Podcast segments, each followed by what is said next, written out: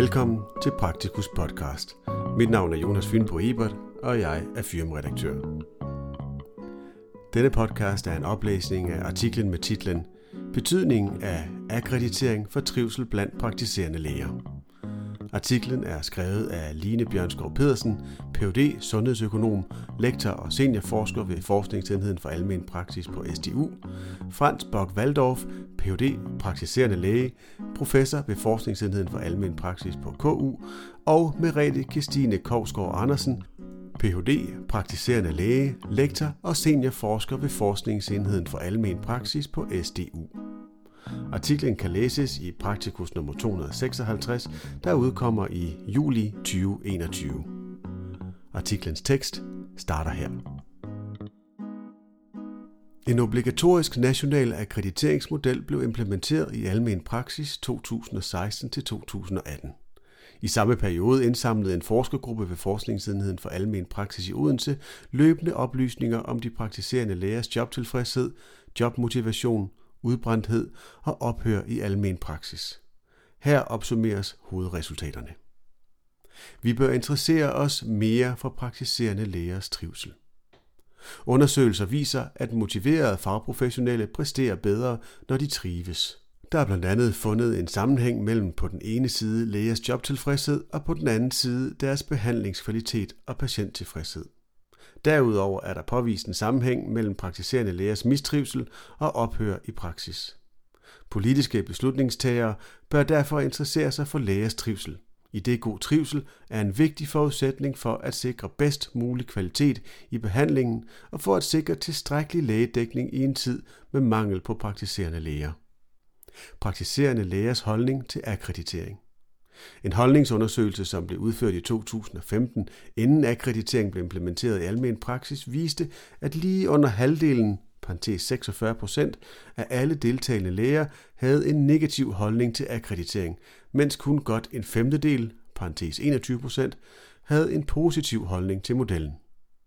Undersøgelsen viste desuden, at hele 83 procent af de adspurgte læger opfattede akkreditering som et redskab til ekstern kontrol, mens kun 42 procent oplevede akkreditering som et redskab til kvalitetsudvikling. Fra motivationsteorien ved man, at styringstiltag, der opfattes som kontrollerende, risikerer at fortrænge fagprofessionelles motivation og arbejdsglæde. Derfor havde vi i forskergruppen en forventning om, at akkreditering ville påvirke nogle praktiserende lægers trivsel negativt. Ifølge teorien kunne akkrediteringsmodellen dermed paradoxalt nok ende med at modvirke formålet med akkreditering, som blandt andet var at fremme den faglige, organisatoriske og patientoplevede kvalitet i almen praksis og føre til utilsigtede forringelser af kvaliteten via forringelse af trivslen.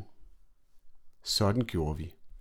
I akkrediteringsperioden, parentes 2016-2018, besvarede de praktiserende læger løbende spørgeskemaer omhandlende deres trivsel, målt ved deres jobtilfredshed, motivation og oplevelse af udbrændthed. Vi indsamlede desuden data fra praksisophør i perioden. Lærerne var meget engagerede i projektet, og den høje deltagelse i spørgeskemaundersøgelserne betød, at forskningsgruppen var i stand til at følge ændringer i lærernes trivsel gennem akkrediteringsperioden. Tidspunktet for surveyorbesøg besøg i praksis blev afgjort ved lodtrækning.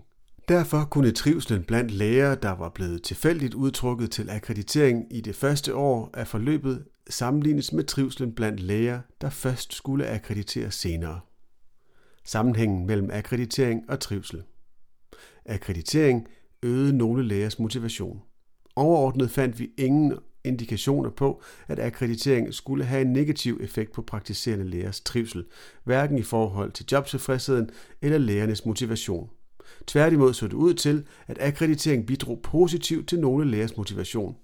Det gjorde sig gældende for de læger, der opfattede akkreditering som et redskab til kvalitetsudvikling.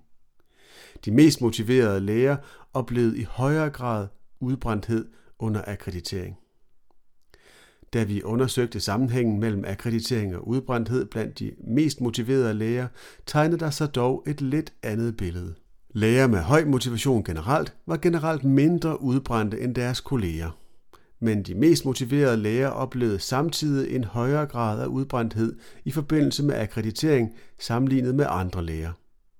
Derved ser det ud til, at en høj motivation ikke i sig selv beskytter mod udbrændthed, når læger eksponeres for ekstern regulering som akkreditering.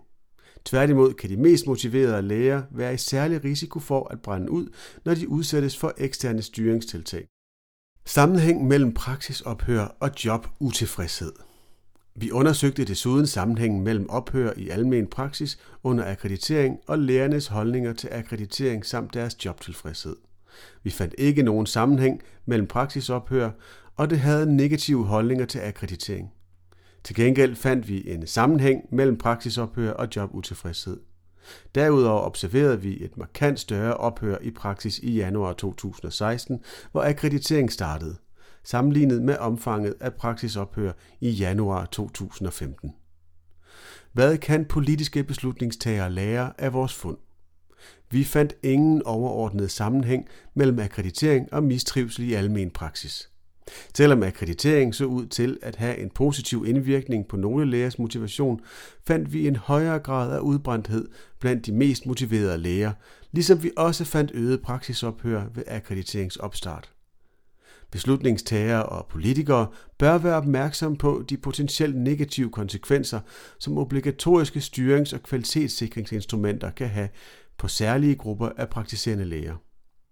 Hvis det via oplysning og inddragelse kan undgås, at nye reguleringstiltag opfattes som kontrollerende, er der teoretisk større chance for, at initiativet vil bidrage positivt til både lægernes trivsel og den faglige kvalitet. Er der sammenhæng mellem akkreditering og den faglige kvalitet? Vores forskningsgruppe arbejder lige nu på at afdække mulige sammenhæng mellem akkreditering og ændringer i den faglige kvalitet. Vi har særligt fokus på en række udvalgte indikatorer, der relaterer sig til akkrediteringsstandarderne. Vi undersøger blandt andet, om akkreditering har medført ændringer i medicinudskrivningen til ældre patienter, andelen af ældre polyfarmacipatienter, andelen af patienter, der modtager forebyggende hjemmebesøg og antallet af årskontroller og biometrier. Som en del af dette forskningsfokus ønsker vi at undersøge, om lægernes grad af trivsel kan bidrage til at forklare forskellige ændringer i behandlingsadfærd. Tak til de praktiserende læger for deres deltagelse. Vi vil gerne sende en stor tak til vores kolleger i almen praksis for deres deltagelse og engagement i forskningsprojektet. Samtidig håber vi, at opbakningen fortsætter, for vi arbejder videre med at tage temperaturen på trivsel i almen praksis. For nylig har vi udsendt en invitation til alle praktiserende læger om at deltage i en spørgeskemaundersøgelse om motivation, jobtilfredshed og oplevelse af arbejdspres. Artiklens tekst slutter her om projektet. Forskningsprojektet er finansieret af Forskningsenheden for Almen Praksis i Odense, Aarhus og København. Projektet støttes af frie forskningsmidler fra Institut for Kvalitet og Akkreditering i Sundhedsvæsenet. Projektgruppens hjemmeside er akiap.dk. Artiklen kan som nævnt læses i Praktikus nummer 256, der udkommer i juli 2021.